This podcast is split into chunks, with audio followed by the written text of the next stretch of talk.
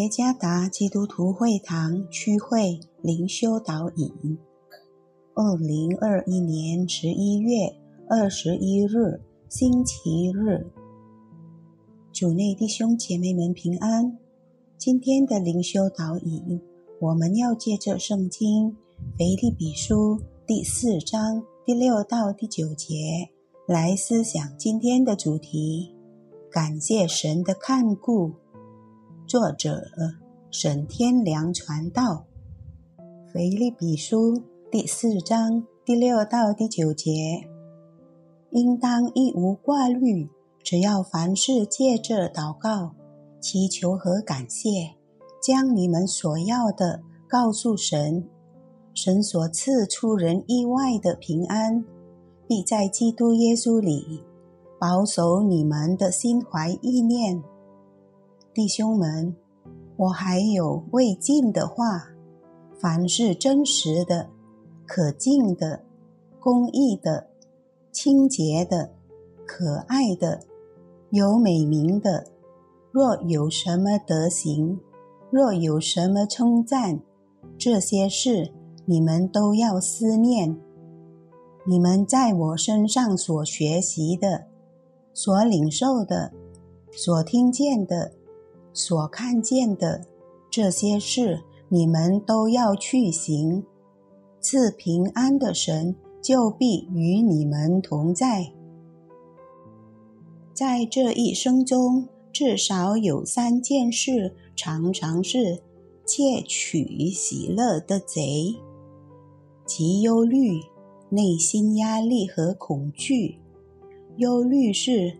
对可能发生或可能不会发生的事情过度焦虑，内心压力是在我们无法改变或控制的情况下过度紧张，而恐惧是对危险、邪恶和痛苦的高度焦虑。如果不解决，那么。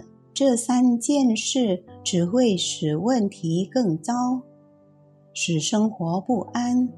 问题是，我们要如何防备这些窃取喜乐的贼，才能安居乐业？让我们学习使徒保罗对腓利比人的建议，在困难和斗争中，他吩咐道。不要担心，相反，会有应该在向上帝祈祷时表达这种挣扎，并保持感恩之情。他进一步建议会众用正义的事物充满他们的思想和心灵。诀窍是记住他们所经历的。上帝的所有美善。此外，也要默想并遵行神的话，这也是我们需要做的。要相信神所赐出人意外的平安，会在基督耶稣里保守我们的心怀意念。无论任何使我们担心、沮丧和害怕的事。都无法阻止上帝继续在我们的生活中工作。放心，他已经安排好了一切，将我们生命中所有的挣扎都交给他。我们的职责是对上帝允许我们经历的事情保持感恩，相信他的看顾。对我们每个人都是完美的。正是在这种感恩和信任中，我们才会体验到真正的平安与幸福。除非我们有一颗感恩的心，我们是不会快乐的。不信神的人没有真正的安息。当我们选择感恩时，困难的生活情况不会就此改变，但相信感恩会给我们力量去克服所有存在的困难。